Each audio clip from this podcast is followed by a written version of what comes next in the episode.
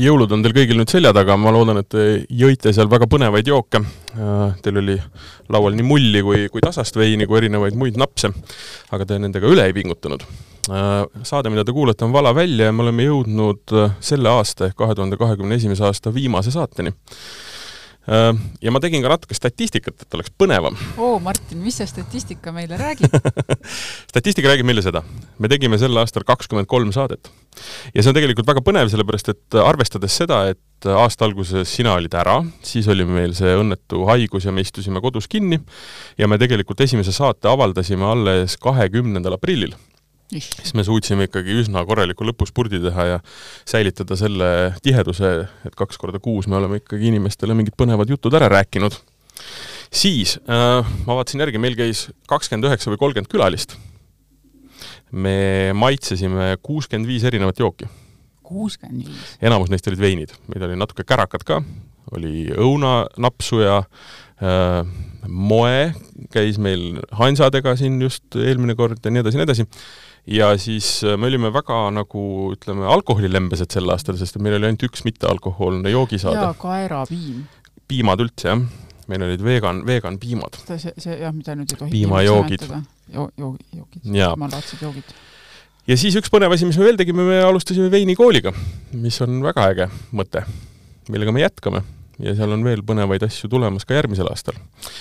Ehm, nüüd siis me ei ole üksi siin või tähendab, me ei ole kahekesi siin saates ega siin stuudios, meil on külaline ka, selle külalisega on veel üks põnev lugu. Ehm, ta on ka sel aastal kõige tihedam külaline, käinud kolm korda. Ja mis on veel üks, mis on veel üks põnev asi, me alustasime Kristjan Markiga, me lõpetame selle aasta Kristjan Markiga. Kristjan, kuidas tunne on ma ise ei mäleta kõiki neid saateid juba selles suhtes, et mitu korda või aitäh selle nii-öelda meeldetuletuse eest, kuid noh, igati ju tore, kui alustada ja lõpetada. esimene teema vist ei olnud vahuvein? esimene teema ei olnud vahuvein, meil oli aasta veini tulemused ja. ja siis oli, me arutasime seda, et kuidas koolil läks selle, selle, selle nõmeda aja, aja keskel. jah, aga äh, kuna mõned päevad on veel jäänud selleni, et ka see aasta saab konkreetselt läbi, siis me meil on ka üks traditsioon veel, mis on tegelikult täitsa põnev. meie kõige esimene saade, muuseas, Vala välja saab kolmeaastaseks ja meie esimene saade oli vahuveinidest kaks tuhat kaheksateist lõpus. ja me oleme iga aasta ikkagi viimase saate vahuveinidest teinud ja ei pääse ka nüüd aga, aga, aga seekord eh, tulevad hoopis eh, natukene teist värvi vahuveinid, kui meil tavaliselt on olnud. nimelt punast värvi punane vahuvein on jah, selline põnev teema, et eh, ma eeldan, et on inimesed näinud seda on võib-olla isegi mõned maitsnud, noh, ütleme, meie kuulajatest pigem on nagu väga paljud maitsnud. Ja nad on arvanud, et see on selline magus ja mitte eriti hea ja tuleb võib-olla pigem Itaaliast äkki või, ja võib-olla mõni, mõni on isegi Eestist tulnud, on ju, aga tegelikult äh, punased vahuveinid on maailmas üks väga kihvt äh, no ta trend ei ole, sest et ega ta on kogu aeg niisuguse vist äh, pigem olnud ja mitte võib-olla väga nii-öelda populaarne kuskil, aga nad on olnud väga nagu ikkagi nende inimeste seas, kes teavad, on olnud nagu väga nõutud. ja tegelikult, kui me räägime nüüd ikkagi sellest, et äh, mis kvaliteet Marki vaatab sellise näoga, et ei, see nüüd küll sa oled jama Ko. koolipapalikult kohe praegu hakkab mulle, hakkab siin tegema. aga ühesõnaga, ma lõpetan selle lause ära, on see, et tehakse ülilahedaid punaseid vahuveine ja meil on kolm tükki neist ka siin laua peal ja me hakkame nendest rääkima. neli tükki, vabandust, on laua peal, jah üks on pool vahuvein. üks on pool vahuvein. nii äh,, sa tahtsid parandada nii, pretensioonid nüüd. pretensioonid tulevad nüüd, tegelikult tõesti siis äh, nii-öelda punasel vahuveinil on olnud trende ja on perioode, kus kohast on olnud mitmetel turgudel väga populaarne ja mm -hmm. nõutud, tänu millele see muutuski ühe vahuveini nägu niivõrd drastiliseks, nii nagu me tunneme teda täna. ja see on ka võib-olla esimene teema või esimene vahuvein millest me üsna varsti pikemalt räägime, on Lambrusco mm. -hmm. ja Lambrusco arvatavasti on ka see, mida sa silmas pidasid siis sellest yeah. hetkest, kui mida ehk võib-olla mõned kuulajad on maitsnud ja öelnud, et äh, mingil hetkel on ta tore olnud, aga mingil hetkel on öeldud, et uh, liiga magus, et enam ei taha mm. -hmm. see selleks, põhimõtteliselt tõesti siis punane vahuvein mingil määral on teatud piirkondades, teatud maades võib-olla natukene rohkem traditsioonilisem nähtus, kuid ütleme, Meitemail no pigem jah, ütleme natuke niisugune nagu nišitoode või siis tõesti natukene kehva kuvandiga selline mahuveinitoode, kuid äh, samas noh, see võib-olla natukene liiga tegemine, et on ka väga suurepäraseid näiteid. mis, mis, see põhjus on, et neid nii vähe on, kas seda on raske teha või, või lihtsalt pole moodi läinud või? no üks asi on punased äh, vahuveinid tulevad äh, tumeda kestaga viinamarjadest. tumeda kestaga viinamarjadel see värvus tuleb kesta seesvast värvainest, kuid sellega kaasneb tihtipeale ka parkaine. nüüd parkaine ja süsihappegaas on kombinatsioon, mis äh, kipub natukene keeruliseks minema, kuna see süsihappegaas, nii-öelda just nagu see nimigi ütleb, süsihappegaas, on äh, see happesus ja see toob tihtipeale esile viinamarja selle tanniini mõrkjuse. ja sellest johtuvalt tihtipeale pannakse natukene jääksuhkrut, et seda mõrkjust siis balansseerida. kuid see ei ole selline no see on enamikel juhtudel niimoodi võiks öelda, kindlasti on ka erandeid ja tehakse ka täiesti brutnatuur punaseid vahuveine ja võiks öelda, et see on niisugune, mis hakkab natukene trendikamaks muutuma ja see kuivem stiil ja gastronoomilisem stiil. kuid äh, inimeste maitse on tihtipeale niisugune, mis siis tahab, millele natuke see magus maitse nagu meeldib ja kes tahavad seda magusust nagu veinis võib-olla kes rohkem, kes vähem, selle kohta on ka erinevaid nii-öelda trende ja niisuguseid nagu tõusu ja mõõnasi olnud. Kindlasti magusus veinis teatud kujul on positiivne. ta annab veinile puuviljasust juurde, mis on hästi oluline toiduga sobitamisel teisest küljest, kui ta muutub natukene niisuguseks nii-öelda lamedaks tänu sellele ja suhkruga pingutakse üle, siis see on nagu kuritegu veinile natukene, et see võib-olla tõesti poeriiulil töötab hästi, sa ei pea eriti palju selle toorainega vaeva nägema, võtad kõik, mis sealt kätte saab, võtad välja, pressib võimalikult tugevasti, külme suhkruga selle ära tembime siis nii-öelda balanssi nagu et see annab ka nagu jah, ütleme joogitootjale mingisugused niisugused nii-öelda võimalused, millele saab ta hinda alla viia, mistõttu ta muutub jällegi ütleme niimoodi alustada kättesaadavaks ja siis saab öelda, et see vein on populaarne nagu võib-olla mingi, mingi, mingis kontekstis nagu kellelegi. kuid teisalt on äh, ikkagi kui ütleme, jäänud tootjad oma nii-öelda algupärasele stiilile truuks, kes teevad niisugust nii-öelda, mida nad ise ka joovad, ühesõnaga. aga kas seal kas seal selle Lambrusco niisuguse, kuidas ma ütlen ähm,, niisuguse ütleme, mitte võib-olla kõige positiivsema kuvandi taga on ka see, mis sa võib-olla natukene mainisid, et ta sai populaarseks mingil hetkel. ja siis lihtsalt oli teda mahus vaja toota ja seal tema kvaliteet nagu kärises alla või? no ütleme, seal on niisugune põnev ajalooline seik äh, Ameerikast nagu makaronivesternid et äh, noh, ütleme vast ongi kõige kuulsamad, ütleme, näitlejate paar saanud Ameerikas tuntuks, seal on päris tugev Itaalia kogukond ning Itaalia tooted hakkasid muutuma ka siis teiste nii-öelda siis Ameerika rahvuste seas populaarsemaks ning avastati, et Lambrusco on tore vein ja siis hakati seda tõesti nii-öelda laevatäite kaupa Itaaliast tooma.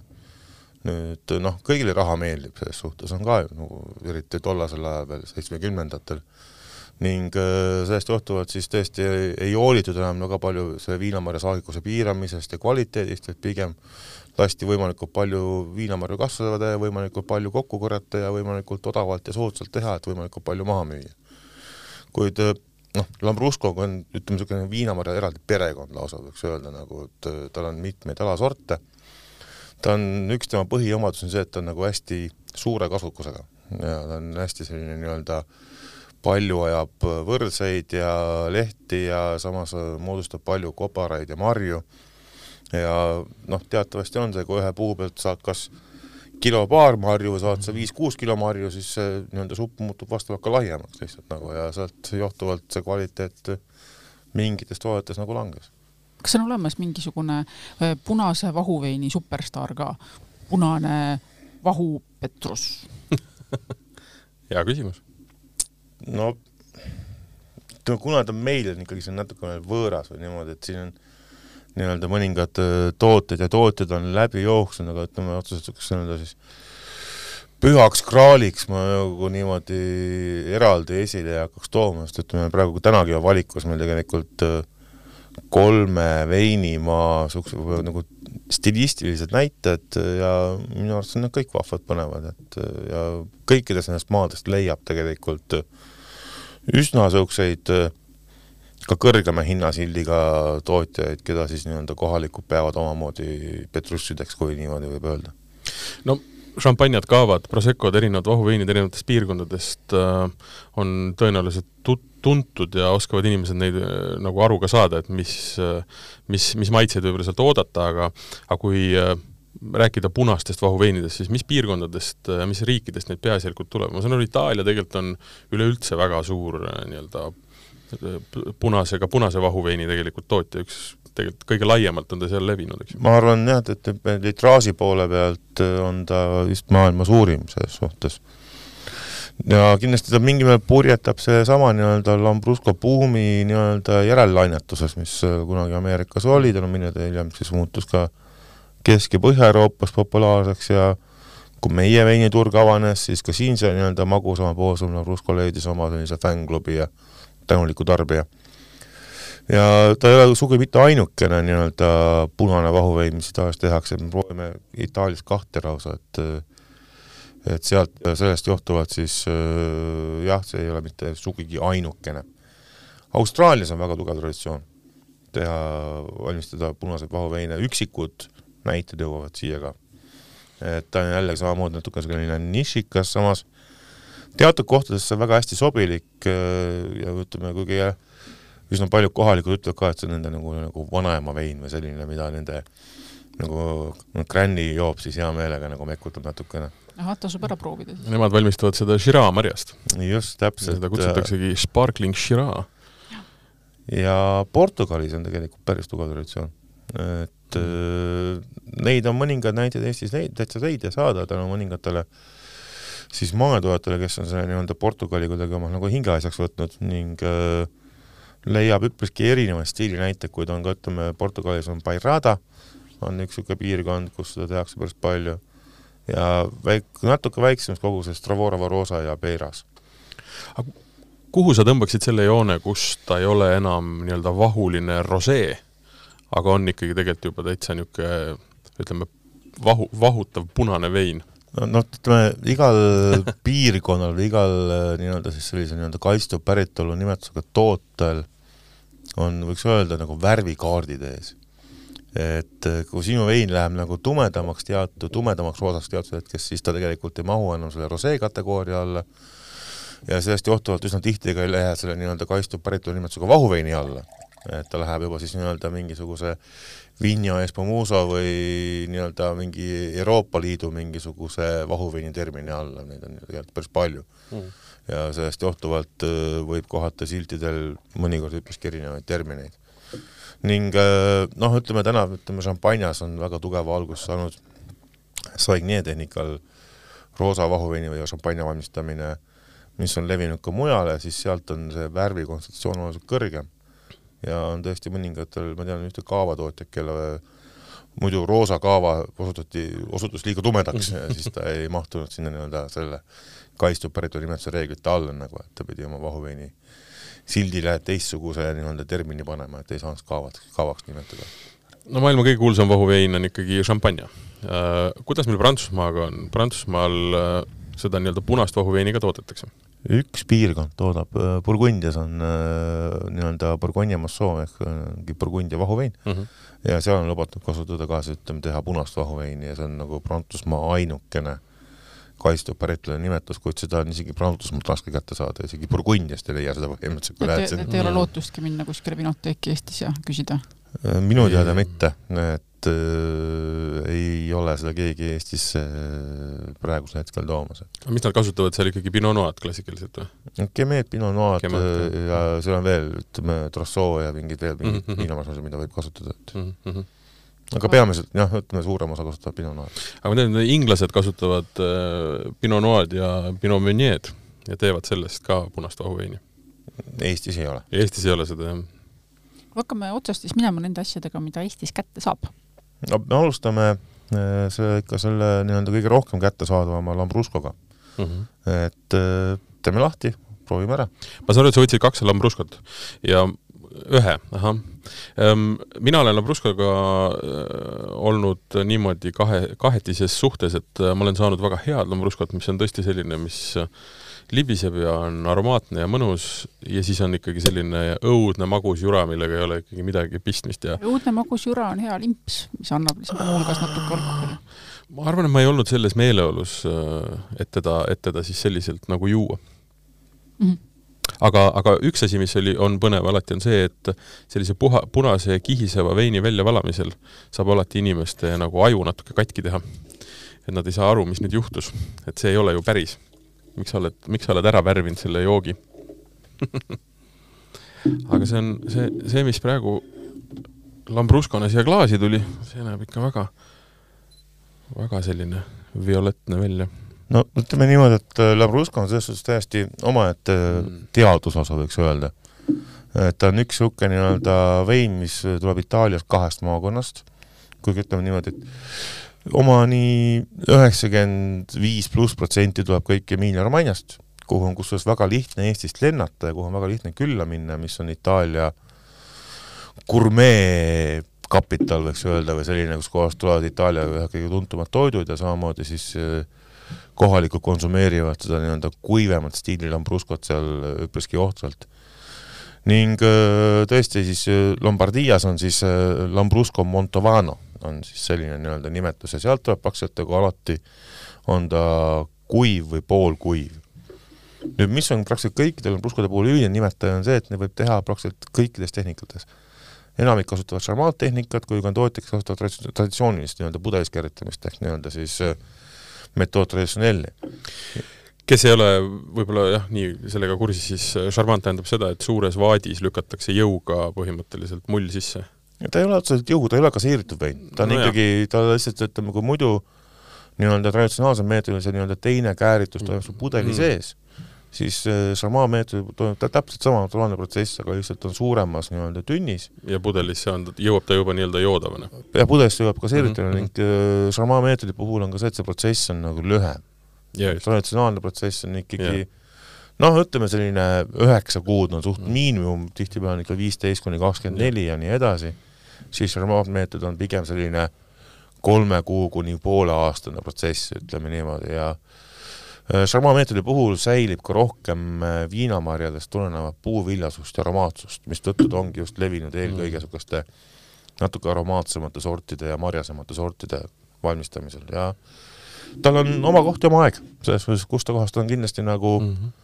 Nagu võiks öelda siis selline mm, isegi võiks öelda omade eelistega nagu, et äh, ning ka ütleme, kui ka ametlikult kuskil paberite peal ei ole kirjas, et võiks teha ka petnati stiilis, siis äh, on mõningad tootjad, kes on hakanud sellega rohkem katsetama mm.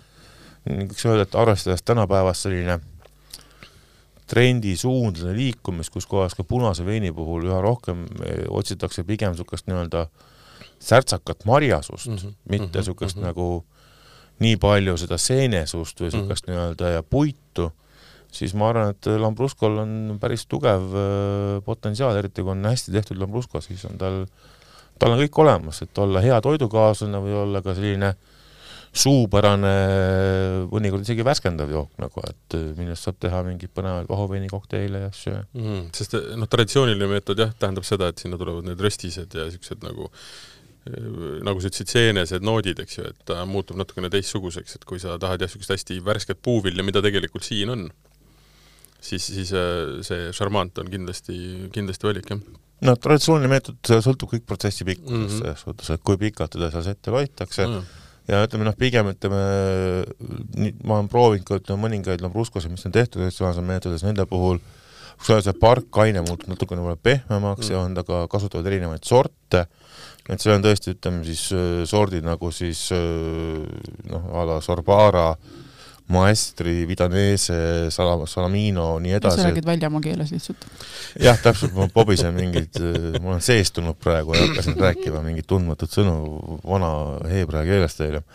et noh, tõesti tegelikult on nagu, kui hakata seda nagu vaatama lähemalt, siis see on tegelikult väga palju erinevaid nii-öelda alapiirkondas, igas alapiirkonnas omad mingisugused Lambrusco alasordid ja on ka siis ütleme, mõningad nii-öelda siis DOC-d ehk siis nii-öelda kaitstud päritolu nimetused välja antud, kus kohas on siis omad reeglid, näiteks kui võtate Lambrusco di Sarbara, peabki olema sul vähemalt kuuskümmend protsenti Lambrusco di Sarbara nii-öelda Lambrusco sorti mm, -hmm. samas kui võtame Lambrusco Montavano, siis peab olema kaheksakümmend viis protsenti Lambrusco Maestrit või mm -hmm. kohalikud ütlevad selle Crapello Maestri või võtame siis näiteks Lambrusco Salamino, siis on ka kaheksakümmend viis protsenti Lambrusco Salaminot ja need on täiesti, nad on sarnased, kuid samaski erinevad mõnel on natuke rohkem värvainet, teisel natukene vähem, mõnel on natuke rohkem parkainet, Mm. teisel natukene vähem.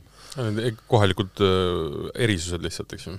Ja Marjade üsna suured tegelikult Mm. selles suhtes, et äh, sa ikkagi, kui hakata nagu, kui tekib võimalus panna nad kõik niimoodi kõrvuti ja võrdlema, siis tegelikult on üpriski suuresti sisse erinevused Mm. ning kõikide nende kaitstud päritolu inimeste puhul on ka see, et nad võivad teha neid täiesti nii-öelda brutnatuuris kuni täitsa magusani mm. Mhm, -hmm. ehk sul võib olla suhkrusisaldus täitsa nullist kuni mingi viiekümne grammini välja. Mis muidugi hakkab määrama ka siis selle veini kuivust ja stiili nagu üleüldises kontekstis. aga kuidas teile nüüd see vein maitseb, mis siin laua peal on? ta on, see on hästi ilus, see on üks ilusamaid pudeleid, mida ma olen säänste veinide puhul kohanud. see mm, huvitav on see, et ma- see on natukene selle Charmant meetodi ju eripära, et see mull ei ole nii tugev ja võimas siin sees. mul on täitsa ja ta kadunud juba. ja ta kaob ära üsna, üsna kiiresti no. Eks see, see sõltub ka muidugi hästi palju jälle sellest äh, protsessist ja, ja, ja kui palju teda tegelikult sinna on nagu lastud.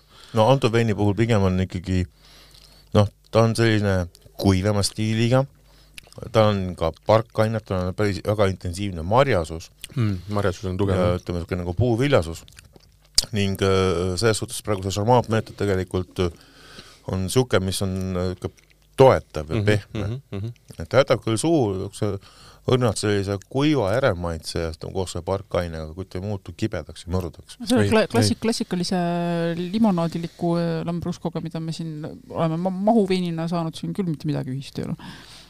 Aga see pigem brut-, bruttstiil on see, on ju? no ta on pigem, kui ta, kusjuures ei ole järelikult, tal ei ole, kusjuures ma ei leia praegu sildi pealt tal otseselt äh, mingit magususastme terminit äh, ma pean natuke nagu lähemalt et noh, silti vaatama. et aga noh, tal on kelge niisugune, noh, ma ei, ta ei ole isegi off-drive'is, ta on ikka pigem, pigem kas siis jah, brutt, mis on, ütleme ju kuni kuus grammi liitri kohta jääksuhkrut, tal on kerge niisugune magusus, mis tegelikult ei ole, ütleme, keegi ei saaks öelda, et ta magus on, mitte No. no. mingil juhul, aga, aga see magusus toetab kõiki neid samu asju, mis sa just mainisid, et pehmendab. no see magusus on selles suhtes nagu põnev, et äh, kas seda, nojah, kas ta on nagu Moosli risning selles suhtes, et mm Mhm. -hmm. sul on nagu hapet on niivõrd palju yeah., et seda tegelikult, seda tegelikku suhkrukogust sa ei tunnetagi mm -hmm. ära. mm.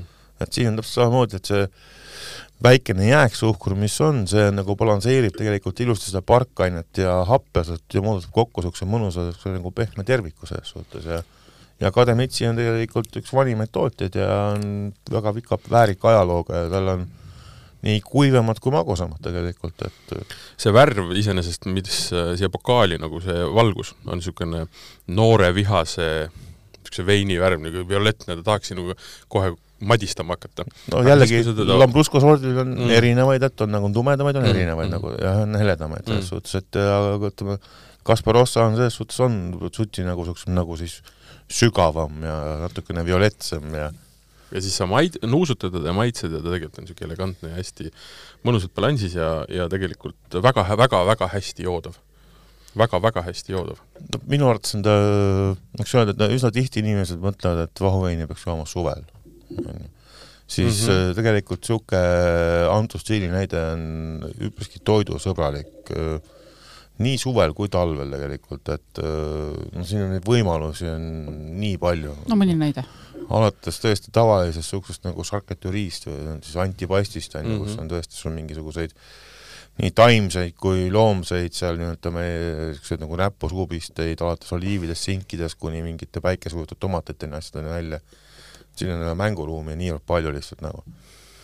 ja noh, mis on ütleme nende kõigi, ütleme esimese kolme stiili puhul ühine nimetaja on ka see, et igasugused niisugused suitsusingid, lihad, vinnutatud lihad, samamoodi ka isegi võiks öelda meie tüüpist verivorst oleks siin nagu igati nagu paslik wow. kaaslane. verivorsti, ma lähen kindlasti võtan jõululauale ühe niisuguse verivorstiga proovida, see kõlab väga huvitavalt. oo ja veerivorsti kõrval on su- suure tõenäosusega mõni äh, m- moos, Moos mis ka, äh, mekib jah. natukene Mhm, sarnaselt selle mhm. veiniga, ma arvan. saab nagu match itada Mm. mm. natukene selles suhtes, aga ta on noh, lihtne ühest küljest, teisest küljest on ta nagu väga toitu toetav ja ja ta ei, ei kui on ikkagi toidus on niisugune, ütleme ka niisugust nagu intensiivsust ja Mhm. sügavust, ütleme kas või noh, väga lihtne, kas või mingi ütleme grillitud kanakintsud näiteks, mingisugused natuke niisugused nagu tumedamast teriyaki marinad näiteks. Mm. võta kätte ja anna minna. kui mul on üks soovitus, siis pigem on ta selline vein, mida äh, tasuks pigem kiiremini ja mõnuga juua, sest et see mull tahab tast kiiresti välja minna ja mull tegelikult hoiab teda ikkagi väga nagu erksa ja mõnusana, et võib-olla valada vähem välja, noh, ja siis ka kiiremini juua. ma tean, et see, mida ma ütlen, on ähm, nagu vastuolus, jah, vastuolus kõikide nii-öelda reeglitega, et äh, aga jooge vett vahele. võtke vett vahele, teine asi on ka see, et võib-olla kasutada natukene väiksemaid pokaale mm., et äh, Valavälja stuudio on väga hästi varustatud väga maailma suurte pokaalidega, aga antud juhul võib pigem ütleme, niisugune nagu mm -hmm. noh, niisugune nagu kitsama kujuga valge veini pokaal oleks tegelikult äh, tutti buena suhtes. meil on suured. meil on suured ja te temperatuur joomisel ikka tavaline niisugune vahuveini tead, siin on, äh, sõltub jällegi sellest magususest ja parkamisisaldusest mm., need on kaks asja, mida peaks vaatama. kui on magusam, siis kindlasti pigem külmem mm. -hmm siis siin on nagu niisugust marjast lopsakust, et ei pea teda üldse väga jahutama, või noh, selles mõttes selle, no praegu selle... on niisugune kuskil kümne kraadi juures, mis on, on ideaalne, võiks öelda, antud veini puhul. et ei pea ajama sinna kuue-seitsme kraadi juurde? kui ta on kuivam, siis ei ole üldse vajadust mm, -hmm. siis muidu see parkaine muutub nagu natuke juba liiga kibedaks, nagu hakkab tagasi hammustama nii-öelda. samas, kui on suhkrut jällegi palju, siis mhm. pigem natukene jahedam jällegi, et aga põhimõtteliselt Lambruscoga ikkagi Eestis on, on okei okay ja, ja on saadaval, et ähm... kuivasi väga palju ei ole mm.. Kui, kuhu ma minema pean siis? kuiva peab ikka natukene äh, nii-öelda taga ajama, et äh, noh, see antud näide praegu pärineb veinisõbra valikust, niisugust nagu poolkuiva leiab äh, ka Liiko valikust minu teada ja ka isegi vist Prike valikus on mm. -hmm aga neid magusaid on oluliselt rohkem selles suhtes. aga kas seal on mingisugune selline pisikene, ma ei oskagi öelda, kaart ka anda, näiteks noh, Amaroonide puhul on mingisugune konkreetne hinna niisugune tärmin, noh.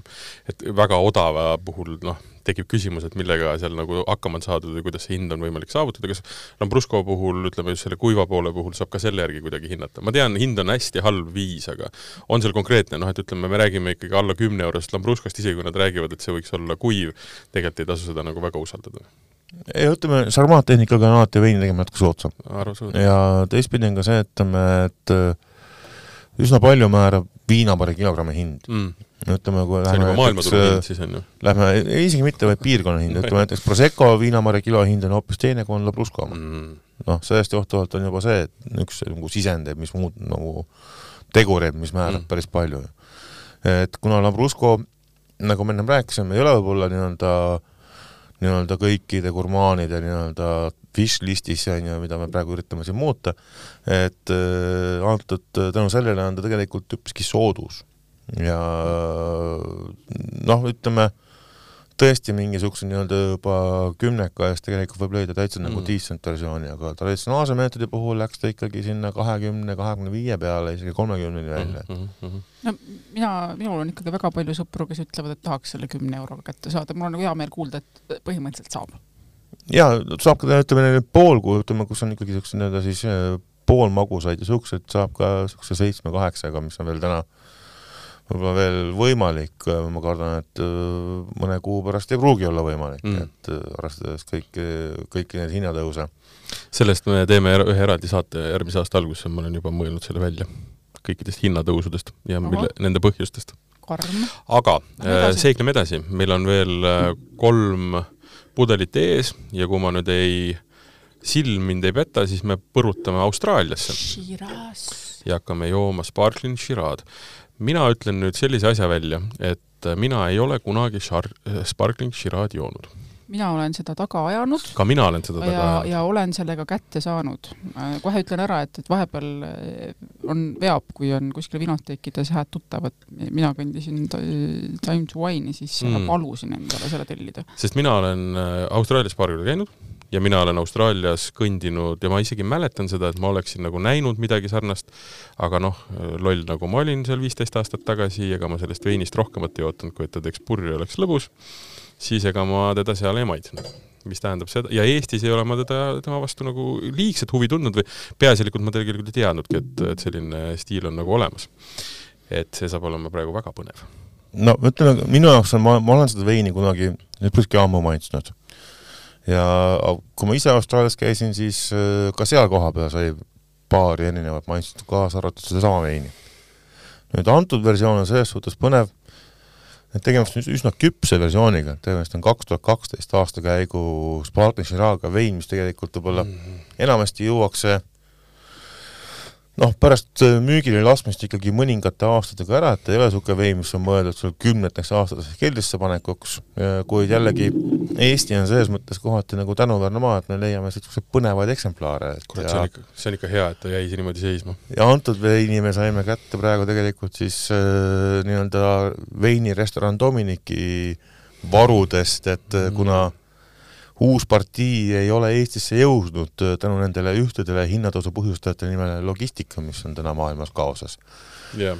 ja partii on siiapoole teel uus, aga ütleme õnneks äh, head sõbrad sealt äh, leidsid, et saavad eraldada ühe pudeli degusteerimiseks meil siia saatesse. kaks tuhat kaksteist, see on ikka, see on, see on väga tore, see on väga tore. kui nina siia pokaali ajada, siis hakkab juhtuma igasuguseid põnevaid asju ja ma olen nõus. küpset kirssi, küpset hästi hea, niisugune kassii on siin ehk äh, must sõstar.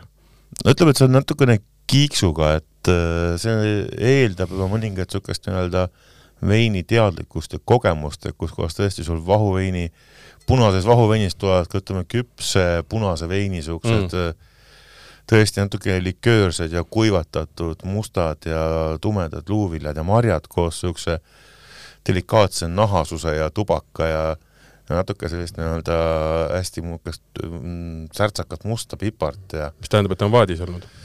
Kusjuures Shiraz ei pea alati vaadis olema, Shiraz tuleb ta täiesti mm. elementaarselt no, pipar küll, aga nahad, nahad ja suits samamoodi. no nahk tuleb puhtalt juba arengust nagu, et no, siin ma arvan, et siin äh, ei ole tammevaadiga mm. eriti mängitud, pigem on siin on Viinamäe sort ise pluss tema siis selline nii-öelda äh, Äh, väärikasse ikka jõudmine, et äh, mis on teinud ta nagu päris niisuguseks sügavaks ja isikupäraseks eksemplariks.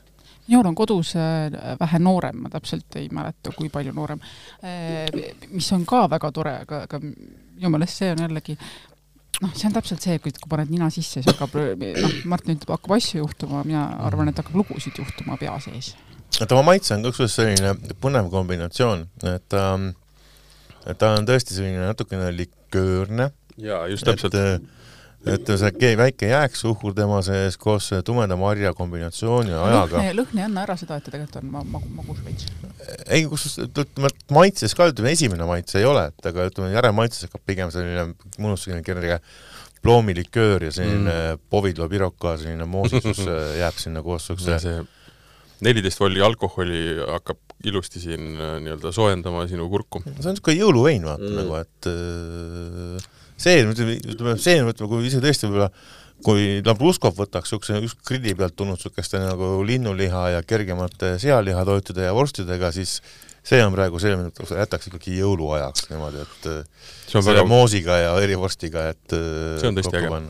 see on tõesti äge nojah, vaata, vaata see, need vürtsid on natukene toonud mm. ka õrnalt segi, mitte piparkooke otseses mõttes meelde, aga aga, aga ei saa öelda, et ei sobiks sellesse meeleollu mm.. no ütleme, väike Christmas Spice on äh, aimatav siin selles suhtes tänu sellele vanusele. ja ütleme, Austraalias ikkagi üsna paljudel, praktiliselt kõikidel tuntumatel, suurtematel tootjatel on see nii-öelda oma Sparkling Shiraz olemas. nüüd meil on siis Peeter Liimani nii-öelda Black Queen ehk nii-öelda siis must kuninganna ja see on minu teada kui, kui mitte ainukene, mis Eesti turul nagu nii-öelda liikumas on aeg-ajalt, et kui ma seda taga ajasin, siis seda silti ja seda nii-öelda Peeter Lehmani seda veini oli näha jah, et seda on, aga muud ma ei, ka ei suutnud nagu tuvastada. no Peeter, Peeter Liimani mis, mis, mis, mis see hind sellel oli? tead? mulle tundub, et see, mille mina kätte sain, oli, oli midagi üle kahekümne oli ta kindlasti, ma arvan, et oli napilt alla kolmekümne. mind ei üllataks, kui see on viiskümmend. ei, nii hull asi, nii ei tohiks olla päris. kolmkümmend, kolmkümmend viis siis või um,? midagi ikkagi minu arvates oli gramm soodsam. aga mina ütlen niimoodi, et ükskõik, mis ta maksab, äh, see on vein, mis meeldib või ei meeldi, aga külmaks ei jäta ja ta on hästi põnev tõesti, kui teil on üks vein, mida te tahaksite näiteks jõululauas või kuskil peolauas nagu lajatada, noh, inimestele natukene lagi pähe kõige paremas mõttes, veiderdada, aga samas äh, jätta neile selline mälestus, et nad räägivad sellest veel kaks nädalat hiljem, siis see on küll üks niisugune vein. ma arvan, et see on äge kingitus ka just nimelt kui inimestele, kelle, kelle, kelle jaoks niisugused üllatused äh, pakuvad mm. -hmm, aga ta peab natukene aru saama veinist, ei nojah, jah, jah. mitte päris pean kahjuks kurvastama, et täna ega homme seda veini ei saa, selles suhtes, et äh, peab natukene Mm. kannatust varuma, et kuni uus partii jõuab, et äh, eeldatavasti see on- kuskil jaanuari lõpus. silt kui, kui, kui mulle palju raha pakkudes ma võin selle ühe, mis mul kodus on, võin maha müüa. see kõva silt on saanud viga ja see on toodud sealt keldri kõige tagumisest nurgast, meil on väga suur õnn selles osas praegu küll, jah. ta on kapis ilusti küpsenud ja turvalises keskkonnas, aga ta on seal mõnda aega juba veetnud, nagu jah, tõesti sildilt näha on, et see vein on, siin on nagu nii palju, see aroom ja siis mm, sa maitsed, ta, tuleb see kerge magusus, see taandub, see liköörsus ja siis alkohol, kõik need marjad mm, ja siis ta kuivatab suud, aga mitte liiga palju. võib-olla isegi võiks öelda Mm. grammikene veel nagu lasta klaasis seista, et nagu natukene soojemaks minna. Mm -hmm, mm -hmm. ei jõua. Ega vist ära ei jõua, aga jah, tal on nagu tutikene, võiks öelda, seda parkaine mõrudust juba jääb järelmaitses. mida küll see jääksuhkur ilusti balansseerib, aga ütleme, grammikese võib-olla mingi üks-kaks kraadi, et see juhtub tegelikult sul mõne minutiga, ta läheb natukene rohkem niisuguseks nagu ümaramaks võib-olla lihtsalt. Mhm. see termin Sparkling Shiraz on ka tegelikult väga põnev ju, tema, miks, miks ta, miks, kui ma, kas ma eksin, kui ma ütlen seda, et et tegelikult äh, enne seda, kui oli võib-olla väga suur kontroll ja korralik kontroll, siis austraallased äh, kütsid äh, kas see oli, kas nad kasutasid Shiraz lihtsalt nimena ja, ja müüsid seda ja siis nad said õiguse Shiraz, Sparkling Shiraz kasutada, ma mäletan, mingisugune niisugune legend selle kohta oli. no ütleme, enne kui Austraaliaga ei olnud sõlmitud Euroopa Liidu vahelist lepingut kaitstud päritolu nimetuste mm -hmm, nii-öelda mhm, kaitsmiseks mhm, mm, -hmm, siis äh, oli igasuguseid fantastilisi termineid nagu Sparkling Burgundy ja ütleme, seal oli tõesti kasutasid ja, ja, ja, ja. ei, et äh, nii-öelda seal oli variante seinast seina, et ja Mhm. mõningates riikides, kellel seda lepingut jätkuvalt ei ole, võid kohalikult turult leida üpriski niisuguseid ekstreemseid stiilinäiteid ja kui ei oska teada, võid ka reha otsa astuda selles suhtes, et äh, peab nagu jälgima, et, et iga nii-öelda šampanja või, või siis äh, nii-öelda Chablis või, või nii-öelda Merceau ei ole pärit sealt, kus ta tegelikult peaks olema pärit, vaid on nii-öelda mingi kohaliku veinimeistri looming. ja, ja seal see reha, kui äh, jah, prantslased hakkasid oma rehaga üle maailma käima, et koristama neid nii-öelda lubamatuid nimesid ära, siis ka äh, austraallased pidid jah, selle Sparkling Burgundy äh, kaotama ja panid siis nii-öelda viinamarja järgi selle et。ainult venelastel on hästi läinud ju. et venelased tohivad jah, ainult šampanjat kasutada. No ütleme, ma arvan, et see ei ole veel lõppenud, see, see lugu, aga noh, teistpidi mitte ainult Prantsusmaa, vaid ütleme, siin oli ikkagi kogu Euroopa Liidu vaheline Mm. mm. leping, et siin alla käis ka näiteks ungarlaste Tokai, Mm -hmm. mille nime oli nii Prantsusmaal kui ka mujal maailmas siis kasutatud Tokai Pinot Grigio, ütleme mm., oli Mm. see viinamarja sort näiteks, mida siis kasutati ja oli ka Austraalias endal oli üks öö, nii-öelda dessertvein, mida nad ka siis, oli nii-öelda vähe Euroopa päritoluga kuidagimoodi kokku seotud see nimetus ja loomulikult ei saa ka mööda vaadata Penfolsi ja Austraalia lipulaevast nimega siis Grange, mis oli mm. Grange Hermitage väga Mhm, pikka aega, kuid mhm, Hermitage on siis tõesti Prantsusmaa päritolu, kaitse päritolu nimetus Jah. mistõttu nad sellest loobusid. eks see inimeste rändamine ja siis tõi selle kaasa, et nad hakkasid tootma seda, mida nad kodus olid ka tootnud ja nimetama seda, kuidas iganes nad tahtsid. no eks seal natukene turundust ja natukene vaja müügiedu ja kõik need kokku kombineerides niimoodi välja kasvas, mis siis hiljem saadi kontrolli alla. arvestades seda, et Austraalia on tegelikult ikkagi noh, absoluutselt, tegemist on, seal on ka väga palju tippe ja väga uskumatult ägedaid äh, nii-öelda tootjaid, kes teevad veini, mis on ikkagi ülim maailmaklass, siis äh, ikkagi tegelikult on ta nagu mahu, mahuveinide tootja väga laia, noh, mida me teame, ei. aga, aga ühesõnaga, minu küsimus on see, et äh, miks seda Sparkling Shiraz ei ole nii palju Eestisse jõudnud, arvestades, et tegelikult noh, ütleme, võimalus teda toota on, on pigem, pigem pigem, pigem on need võimalused nagu suured, muud Austraalia veini jõuab Eestisse, aga seda ei jõua, kas ta ikkagi on nagu nii nišikas meil? no põhimõtteliselt juba praktiliselt ise vastasid oma küsimusele, et aga esmalt korrektuur tõesti, Austraalia ei eristu selles suhtes mitte kuidagimoodi teistest vähegi suurtematest veinimaadest, et on väga erineva tootmisvõimekusega tootjaid, nagu on Itaalias või Prantsusmaal või Hispaanias või ka Portugalis näiteks või kus on nii suuremaid kui väiksemaid ja nii-öelda tootjad, kes teevad tõesti võib-olla aastas seal mitukümmend kuni sada miljonit pudelit, on samas kui tootjad, kes teevad aastas võib-olla kakskümmend, kolmkümmend tuhat pudelit ainult, et selles suhtes seda leiab praktiliselt kõikides veinimaades, ma arvan. ei, ma ei mõelnudki seda üldse aga, kui ütleme... mahuveini, kui, kui, kui selles mõttes negatiivselt, aga lihtsalt pinda on palju, võimalust veini toota palju, versus see, et Eestisse ja noh, ei jõua seda, ütleme, muid Austraalia veine on üsna, üsna mõnusalt, valik on üsna korralik. siin on ikkagi suht-koht nagu turuspetsiifika mm, -hmm. et noh, ongi meie inimesed ei ole väga harjunud seda nii-öelda punast vahuveini rüüpama, eriti kui temast tuleb ka ütleme ikkagi korralik kopikus välja käia, et siis äh, pigem vaadatakse mujale, kuid teistpidi jällegi ta on niisugune toode, millega saab inimest üllatada. absoluutselt, absoluutselt. Äh, noh, igal juhul ütleme, niisugune punane vahuvein, kas või ütleme, kvaliteetne Roland Brusco on samamoodi võimalus äh, kuskil nii-öelda klaasiveini programmis mõnikord pakkuda midagi hoopis mm. teistsugust elamust ja seda hoopiski mõistliku hinnaga nagu, et et äh, see on pigem, ma ei usu tõesti, et nüüd, äh, kui panna ta kuskile nii-öelda jaekaubandusriiulisse, et sealt nüüd hakkaks ta nagu järsku liikuma, isegi siis, kui ta rohkem valikus meil, ta ikkagi jääks natuke niisuguseks mm. nagu sinna kõrvale nii-öelda natukene tolmu koguma ja siis juba inimene vaatab, et ahah, et see pudel on tolmune, keegi ei osta, ma ei hakka seda siis ka võtma nagu, et noh, et sealt tekib see nii-öelda ahelreaktsioon omamoodi, et samas see on veel üks täitsa kõrvalküsimus, et kui palju ütleme tegelikult äh, suurtest kaubanduskeskustest või kaubandus äh, noh, ütleme toidupoodidest, kus on veinivalik, et kui palju sealt tegelikult nagu ostetakse šampanjat, ostetakse?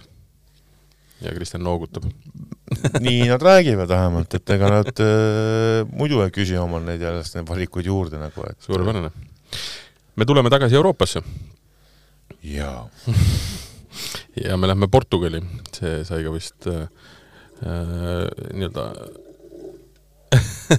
sai ka saate alguses välja öeldud, nii, oota, ma rüüpan selle Lehmani ära, see on mm. ei raatsi kuskile kallata mm,. Mm, mm. see on väga äge nüüd on mingi imelik jook, ma juba unustasin. Portugal armastab ka punast vahuveini, see on nüüd hoopis teistsuguse värviga. no ütleme, et kui eelmine vein juba oli natukene sellise nii-öelda arenenud veini varjundiga, et oli niisugust mm -hmm, nii-öelda telliskivi mm -hmm. välimuses näha, siis nüüd meie nii-öelda järgmine Euroopasse naasemine on pärit Portugalist no, maa, kus hägune välja, kas ta on naturaalne? ta on, äh, tal on sete sees punase veini puhul tekib vahetevahel sete, mistõttu kui ta oleks tavaline vein, siis ma peaks teda dekanteerima, aga praegu antud juhul kuna ma tõin ta nii-öelda ikkagi autoga, käisin nagu järgi ja niimoodi, et ei ole mhm, jõudnud mhm. siin väga pikalt seista, siis tõesti natukene võib-olla sette lahti löönud ja natuke pilvine. aga tusett ei tee teile midagi, jooge ära ja nautige. kivisi sees ei ole, selles suhtes ta on nagu selline peenikene tolmune sete, et ei ole nagu portveinil on, et niisugune mm -hmm. nii-öelda, mis äh, jääb sul nii-öelda hamba alla nagu tükki tõmmanud, jah et selles suhtes küll, aga äh, Portugal ja punane vahuvein äh, tõesti, tegelikult äh, nad ise üsna palju joovad seda ja see on nende selline, võiks öelda, et üks spetsialiteete. Ning tegemist on siis Baaga viinamarjast valmistatud punase vahuveiniga, valdavalt tulevad need suuremas osas küll tulevad tõesti siis Baaga niisugusest nagu siis omamoodi niisuguse nii-öelda siis äh, nimetatud ka vahetevahel Portugali Burgundiaks nimega piirkonna nimega Bairrada, kuid äh, teevad ka teised piirkonnad, meie leidsime niisuguse nagu vanema küpse versiooni hoopis Beira Interior ja tootja nimega Quintados Termos mm., kes on siis nii-öelda põhimõtteliselt iseenda jaoks teevad seda veini, et see nagu müük on sellel kätte saada seda veini kuskilt on tegelikult üpriski keeruline, kuid äh, selle veini ma leidsin siis Mil Vignose portfellist ja mõtlesin, et Portugali punast vahuveini võiks ka ikkagi olla degustatsioonil. aa, vot, neilt ne,, nemad on, äh, Milvinjas on see koht, mille ma avastasin siis, kui see esimene koroonalaine oli ja siis, kui ma mööda internetti ringi kammisin ja püüdsin aru saada, kust ma võiksin endale ukse taha veini tellida. Nemad tõid?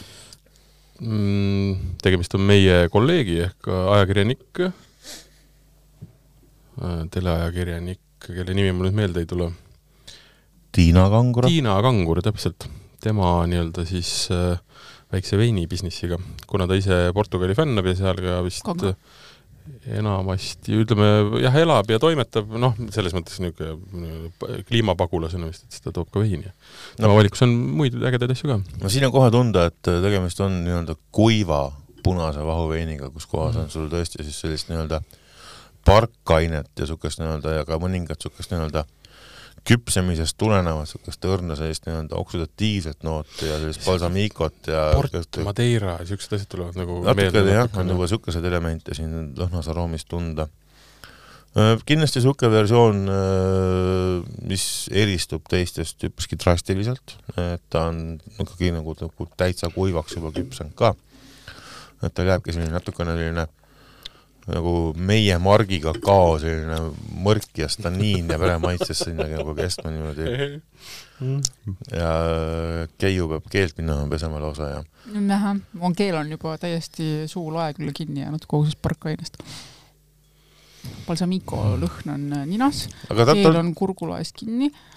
tal on ka niisugust nagu nahka ja sellist nagu õrnast seenesust ja, ja ütleme, antud juhul ütleme selline äh, ikkagi nii-öelda pudelis kääritatud tehnika ehk traditsionaalne meetod äh, on ka nagu siin tuntav selles suhtes, et äh, ja tegelikult antud juhul see ilus nii-öelda natukene burgundia pokaali meenutav äh, valavälja ametlik töövahend on igati sobilik serveerimis selle veini, veini jaoks. me paneme, me paneme pildi ka, et te näeksite, milline on meie töövahend. ei, aga lihtsalt mina mõtlesin vahepeal seda, et, et see on vein, mida, mis mulle eraldiseisvalt äh, üldse ei istu, minu jaoks on ta, kuidas ma ütlen, liiga põnev. Äh, ma arvan, et see võiks olla midagi, mida ma tahaks teada, kuidas ta mingisuguse ägeda toidumatšina töötab. aga, aga et sõpradele küll ja siis niimoodi klaasiveinina juua teda kuiv on ta kurinahk, kuiv on ta küll, aga minule meeldib. mulle meeldib ta ähm, mulle meeldib ta eriti selle aroomi poolest. see oksüdatsioon on tegelikult väga kihvt. ta on niisugune nagu kelder, aga niisugune nats nagu allitab, aga see on nagu mõnsa. ta ei ole nagu oksüdeerunud. ta ei ole oksüdeerunud, jaa. ta on sellest, ta on ikkagi veel marja ja tal on nagu niisugust nagu iseloomu kõrval ka mm.. et äh, küll aga ta on tõesti juba väärikas vanuses ning äh, ütleme tõesti, minu jaoks on ta pigem selline nii-öelda mingisuguse puraviku orsotoga kõrvale, kus kohas on niisugust nii-öelda hästi siukseks krõbedaks mm. kuivaks küpsetatud peekoni laastu peale pandud ja ja ütleme nagu need Portugali sisesöövad siukest nii-öelda mõnusat seakõhtu sellist mm. nii-öelda ja siuke natukene seenevärki kõrvale, et neid toidumatše siia kõrvale kindlasti ei leia. aga ma küsin ühe niisuguse küsimuse, oskad sa selgitada? see vaht ehk et siis mull, eks ju, muus tõmbas üsna sivasid nagu uttu mis tähendab seda, et ta on nüüd täitsa, täitsa normaalne niisugune nagu stillvein, eks ju. et äh, kui ta oleks stillvein ja temal ei oleks mulli sisse aetud, mis ta oleks? ehk et mis on nüüd, mis, mis, mis äh, jah, sa valad ta pokaali, maitsed, tal on kerge niisugune mull, ta on mõnus, aga see mull kaob ikkagi ära, noh, üsna esimese paari minutiga, et äh, kui sinna mulli oleks sisse aetud mis juhtus see..., mis, mis ta, mis ta siis oleks? see mulje ei kao tegelikult täielikult ära. seda kindlasti. ütleme, see nagu, sa võtad nagu, võtad küpse šampanja või mm. mingi muu vahuveini mm, -hmm. see visuaalne mulje, see tugev mm -hmm. torkiv mull mm -hmm. kaob äh, pikalt küpsenud jookidel tõesti ära. keele peale tuttavad, nii-öelda selline seotud süsihappegaasi selline tunnetus jääb sul ikkagi maitsesse alles ja hoiab ikka tegelikult ikkagi veini nagu erkse ja nagu selgena üleval. nüüd, kui ta oleks ilma süsihappegaasita ma usun, et on inimesi, kellele ta meeldiks umbes isegi niimoodi rohkem võib-olla, kuid neid on meil valikus küll ja küll. et nüüd punase vahuveinina, kus kohas tal tõesti niisugust nii-öelda süsihappegaasist tuleb natukene kerget niisugust nii-öelda tekstuuri juurde andev iseloom, nagu on veel ekstra kikin olemas, teeb temast, ütlen nagu ma ütlesin, niisuguse nagu toidusõbraliku eksemplari ja ütleme omal moel ka sellise tahan proovida midagi teistsugust eksemplari see kuivus on, ta paneb ikkagi nagu lätsutama. sellega harjub. sellega harjub ja ta on palju meeldivam kui võib-olla, kui ta tõesti ei oleks. kas lätsutamine võiks olla tehniline termin ütleme praegu, ütleme serveerimisjärjekorrast johtuvalt juhtus niimoodi, et meie esimesed kaks veini olid üpriski intensiivsed, marjased ja ütleme mm -hmm. ka, ka mhm. mõningase jääksuhkruga onju mm. -hmm. noh, ma võtsin pigem nagu nooremast vanemani põhimõttele onju, et selles suhtes mm -hmm. praegu võib-olla tõesti pärast neid natukene magusamaid jooke, siis see kuivus tundub nagu eriti selles suhtes nagu võib-olla ka natukene välja tulev siit aroomis ja maitse profiilis. sest et kui meil esi, Shiraz oli kaks tuhat kaksteist, esimene oli meil, äh, Lambrusco oli, mis ma siit on suhteliselt noor värk juba saama. suur, nii, siis selle, selle aasta, selle Portugali veini aasta on? kaks tuhat kaheksa. kaks tuhat kaheksa. Mhm, mhm, mhm. ja see põhimõtteliselt on ikkagi täiesti nii-öelda äh, jaa, äh, et see on põhimõtteliselt äh, pidevalt või noh, täiesti niimoodi Milvinuse sortimendis saada, jah? ja et see ei olnud ütleme... mitte nagu keldri, keldrileid jälle? no see on kusjuures täitsa olemas, aga palju ei ole selles suhtes mm., et äh, ning äh, noh, ütleme ta on ka juba just ütleme hinnaklassid neist kõige nagu kõrgema poole pealt nagu, et mm. kui? kaheksateist oli nende e-poe hind mm aga samas, kui on huvi sellise väga põneva ja natukene täiesti teistsuguse nii-öelda vahuka järgi, siis tegelikult see on, on kindlasti, tasub minna ja seda, seda uudistada. et siin on, siin on võib-olla tõesti, ütleme, esimese, okei okay,, mitte esimese, aga aga ütleme, esimese samme nii-öelda vahuveini maailmas tegeva inimese jaoks on nagu liig, on ju. võib-olla ta ei, ta on natukene minu no, jaoks on ka liig. noh, jah, sama, ühesõnaga siis isegi võib-olla teist ja kolmandat sammu vahuveini maailmas tegeva inimese jaoks. ma ei saa öelda, et ma ka mingisugune eriline ekspert olen või, või üldse olen seal nagu seegelnud, aga, aga mulle tundub, et ta on täpselt niisugune, temas on, minu jaoks on temas seda veidrat põnevust, mida ma tavaliselt äh, väga paljudes asjades nagu taga otsin. ma arvan, et see võib olla ka see, et, et kui, kui inimestel on naturaalsed veinid või noh, selline naturaalne muidugi niisugune suhteline mõiste, aga aga kui meeldivadki niisugused veidramad veinid, siis võib, võib-olla on, on see nagu nende allee peal.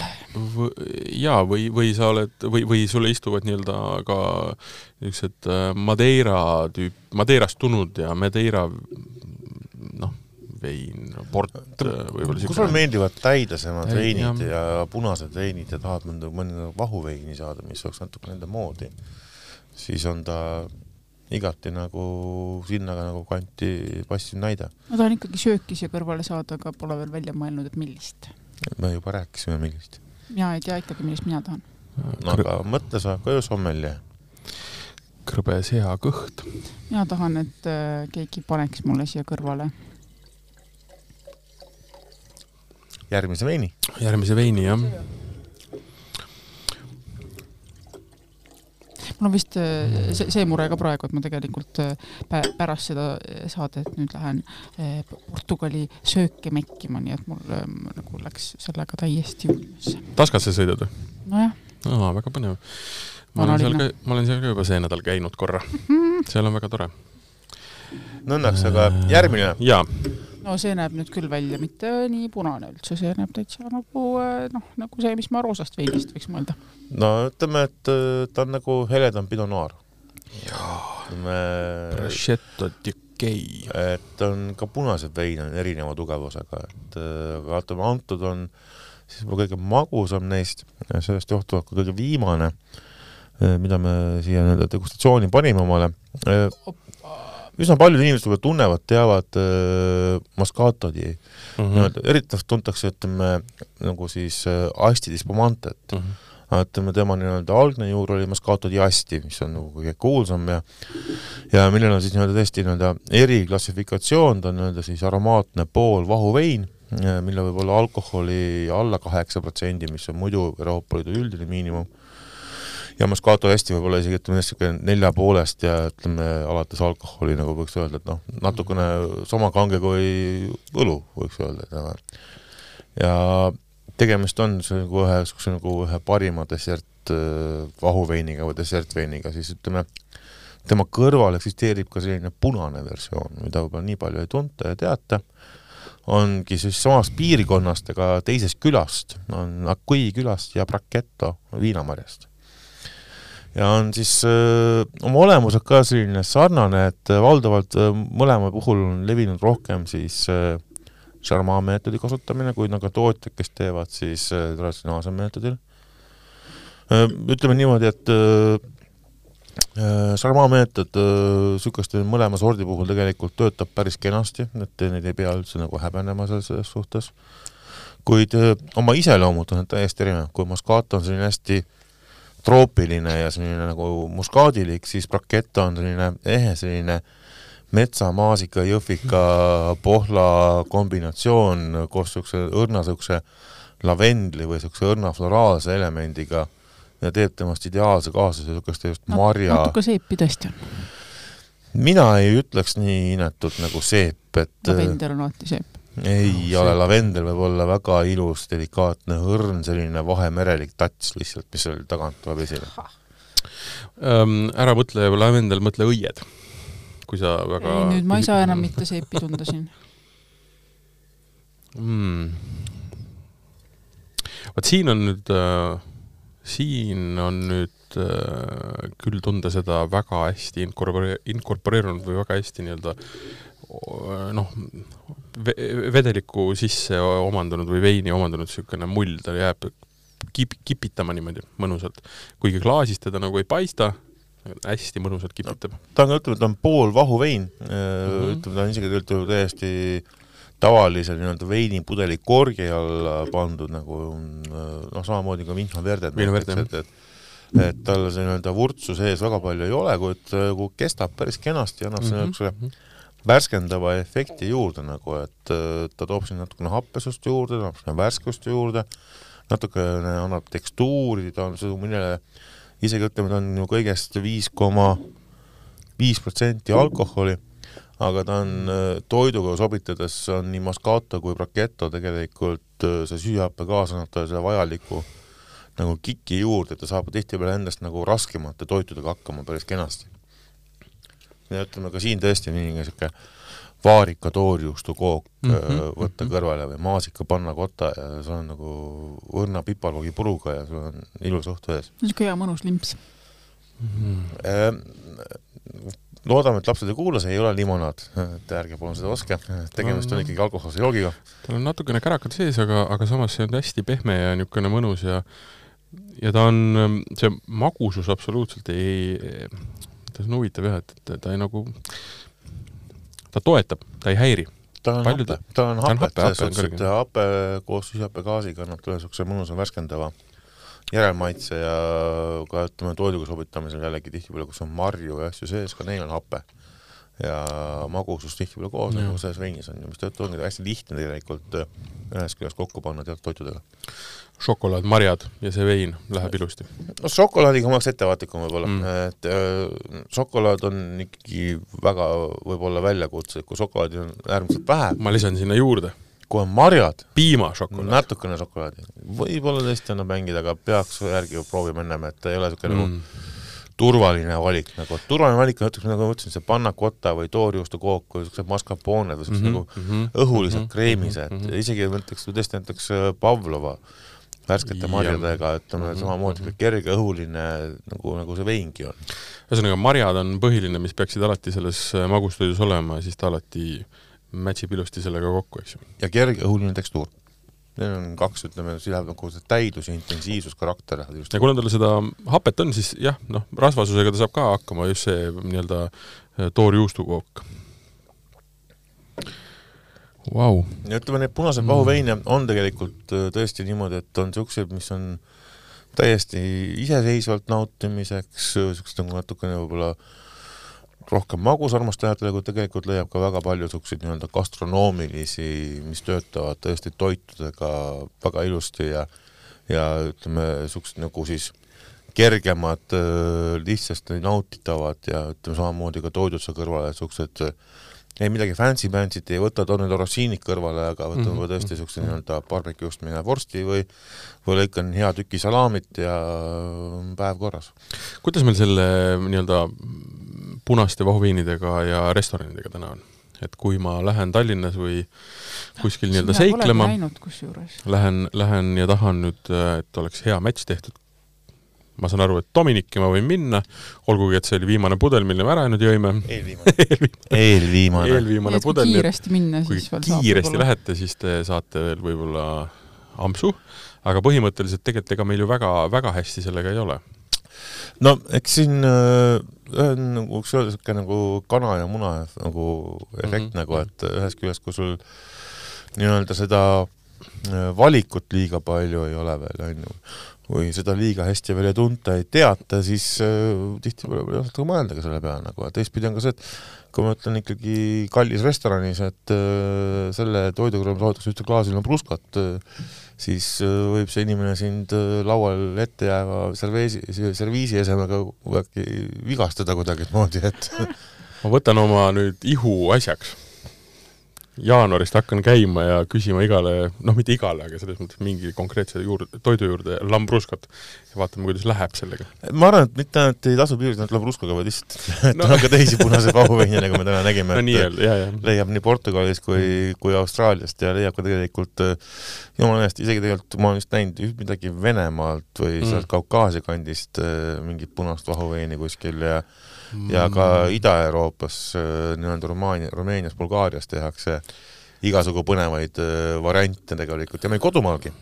et ja. Äh, selles suhtes, et noh, meie marjadest tehtud vahuveinid tegelikult ju ka pakuvad täitsa võimalusi ja ka meie viinamarjadest tehtud vahuveinid, et noh, siin tõesti on nii Uue-Saarusel kui Murimäel, Murimäel peaks olema nii viinamarjast kui marjadest tehtud punased vahuveine, mis tegelikult äh, ma arvan, et võivad päris kenasti olla mingisuguses saates oli meil ka muuseas Mamm ja Frukti Pohla äh, vahukas, mis oli üllatus, sellepärast et ta oli sada protsenti pohl ja ta oli väga kerge ja mõnus juua pohlu on tegelikult toorainena väga-väga keeruline, kuna Täpselt. tal on benseen, on niisugune asi, mis on, ei lase tihtipeale lõpuni käärida. ja sellepärast see oligi põnev. et äh, ta peab natuke alati toetama mingite mm. tihtipeale teiste, teiste suhkrutega natuke seda pärmima, et nagu saaks selle töö tehtud sellega.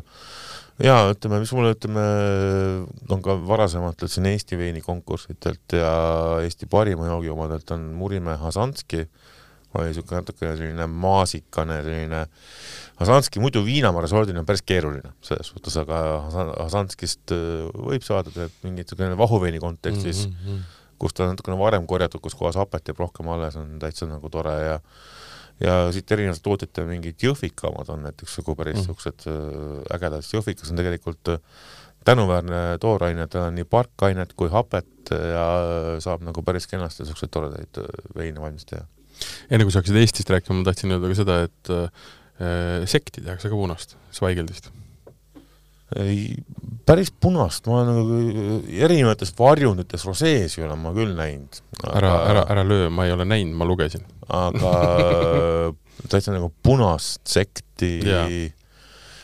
ei ole õnnestunud äh, veel kätte saada, ütleme, on äh, paar petnati mm, -hmm. mis on päris siuksed nagu noh, see on nagu võib jääda küsimärk, et kas ta on roosa või punane, et päris punast petnati ei ole ma veel näinud või mm. maitsnud, aga tumeroosat olen küll selles suhtes ja need on päris vahvad. ikkagi punased vahuveinid, mida me täna maitsesime, olid ikka punased, punased, seal ei olnud nagu see no, vi, viimane, viimane oli niisugune tummisem äh, aga põhimõtteliselt kolm esimest Hele. olid ikkagi arusaadavalt, et siin ei olnud nagu vaidlust, et need võiksid olla roseel isegi lähedased. aga Martin, mida sa neist nüüd lähed ja ise ostad, kui saad? kuramus, kui ma seda Lehmani saaksin, ma ostaks selle kasti, sellepärast et see on küll üks vägev jook äh,. Aga ma arvan, et ma kindlasti võtan nii selle Rambrusco kui, kui ka selle portugallase tegelikult. no ütleme, Portugalist leiab ka natukene selles suhtes esimese kahega sarnaseid stiile ka mm, -hmm. et mhm. see oli praegu võetud just nagu, et olla yeah. teistsugune mm, -hmm. eristuvam mhm. ja ka ütleme endale niisuguseks nagu heaks kogemuseks, et seal oli ka täiesti niisuguseid nagu tumedamaid ja lopsakamaid ja marjasemaid selles suhtes, et ja kõik, kõik ei ole niisugused nagu nii küpsed ja vanad ja nii kerged, niisugune metsaaluse ja Madeira ja niisuguse nii-öelda kuivanud jõhvikate karakteriga, et leitub erinevaid. aga lihtsalt seal jõululauas ootavad mind inimesed, kellele mulle meeldib natukene esiteks teha üllatust ja siis ka räigelt nagu neid hirmutada. et ma, et ma ikkagi verivorstiga tahan nad ära proovida. teed karuteene, teen karuteene. tegelikult ka ütleme, kui taimetoidud on selles suhtes niisuguste veinidega väga-väga head ja mahlakad, et kus kohas tõesti mingi grillitud peediga ja või siis mm. baklasaanid äh, nii-öelda pähkli või asjadega täidetuna, miks ka mitte, et see on jällegi kas grillisust ja asja, ütleme see suits ja intensiivne marjasus töötavad nagu väga hästi kokku nagu, et Keiu kirjutas mulle just telefoni, et jõulud alles tulevad. aga see on see podcasti huvitav põnevus, et ma suutsin alguses ikkagi ta sobib ka Vene jõululauale selles suhtes. suurepärane, Vene jõululauast me rääkisime. ühesõnaga olevik ja minevik on absoluutselt on mina elan, aeg on üks no mina võtaks kokkuvõtteks selle niimoodi, et kui on vähegi sõbrad, kes äh, Äh, huvituvad veinidest, siis need, need punased vahuveinid on igal juhul sellised asjad, mida võib nagu külla viia niimoodi, et inimesed päriselt teevad ahaa. Äh, ma arvan, et see on nagu äge kingituse materjal mm., mis loomulikult äh, nagu veinide puhul ikka lähed viid ja siis tea, vaikselt teed vihjet, võiks nüüd lahti teha, ise ka juua, eks ju.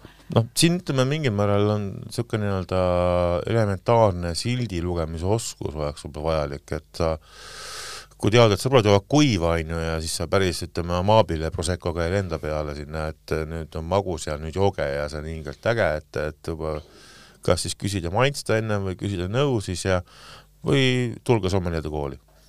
kaheksateist jaanuar alustab järgmine kursus. ma arvan, see on kõigile, ma juba hakkan jõudma sinnani, et peaaegu kohustuslik kõigile, kes tahavad natukenegi sellest maailmast aru saada. ma olen nõus, jah me suutsime ikkagi, vähemalt minu arust, ma ei tea, kuidas, kuidas sinuga on, aga siia aasta lõppu paugutada ikkagi ühe väga vinge saate. mina ise olen praegu väga rõõmus. ja aga vaata see, noh, see, see pole poliitiliselt korrektne ise öelda seda, ta peab ikkagi äh, pärast kuulaja mõtlema, kuidas tundus. mul on sellest täiesti ükskõik, mina ütlen, et see oli väga hea saade, sest need veinid olid suurepärased, külaline oli suurepärane ega ma teda muidu tagasi kutsuks. absoluutselt, ta teab väga palju, ta teab tegelikult rohkem, kui ta siin jõuab rääkida tunni aja jooksul, nii et äh, kui te lähete kooli, siis te saate seal teda näha palju ja teda aga on võimalik ka mitte näha, ma võin rõhutada kõiki saab ka vältida, saab ka vältida ning ka tõesti, ka minul on alati rõõm siin käia ja olla. Ja ikkagi nii-öelda leida tooteid, et enda silmaringi laiendada ja samas ka vanu tuttavaid uuesti proovida ja seda väga meeldivas seltskonnas ja ka kuulajat natukene võib-olla siis harides. ühesõnaga, kui te järgmine kord olete ja näete ja mõtlete, et näed, siin vahuveini pudelis on midagi punast, siis ärge kartke seda, vaid äh, mekkuge ta ära ja, ja, ja ma saan aru, noh, absoluutselt nagu Kristjan ütles, lugege silti ja vaadake nagu olukorda, aga aga, aga pigem ärge kartke teda. küsige poetöötajatele mm., eriti kui on ikkagi niisugused nii-öelda head veinipoed, siis seal on juba meie koolis käinud äh, inimesed, kes oskavad ka seda sulle nii-öelda siis inimese keeles selgitada, kuidas mingi vein lõhnab või maitseb. ja te saate väga ägeda kogemuse. niisiis, kaks tuhat kakskümmend üks me tõmbasime nüüd joone alla. vala välja ei lähe kuskile, sellepärast et meil on teha ja käia ja näha ja maitsta veel ikka rõvedalt palju. jooke on veel joomata oh,. me järgmisel aastal kindlasti jätkame kooliga. Mina jätkan kooliga, tähendab mm -hmm. nagu kooliga kooliga, aga Valavälja kooliga me jätkame kindlasti marjadega, meil on veel mõned mõtted, kuidas me seikleme. ja siis äh, me peame ära lahendama ka tegelikult selle asja, et äh, liiga palju me räägime veinist. mul on tehtud märkus me peame tooma ka teisi ja mittealkohoolseid jooke. ja mittealkohoolseid jooke. kas kuulajad äh, teevad ettepanekuid erinevate joogistiilide osas ka või? Äh, meil on tehtud ettepanekuid, et rääkida, kes on ütelnud, et rääkige lihtsamalt, teine on ütelnud, rääkige keerulisemalt ja siis on meile pakutud ka erinevaid asju tõesti. väga vahva, sealt võib mõni, mõnigi põnev idee välja tulla. ma arvan, et kaks tuhat kakskümmend kaks tuleb väga äge, me kindlasti oleme teiega mm. -hmm, jagame siis pühade neid või uue aasta lubadusi, et ausõna püüame rohkem mittealkoholi, rohkem muid alkohole peale veini.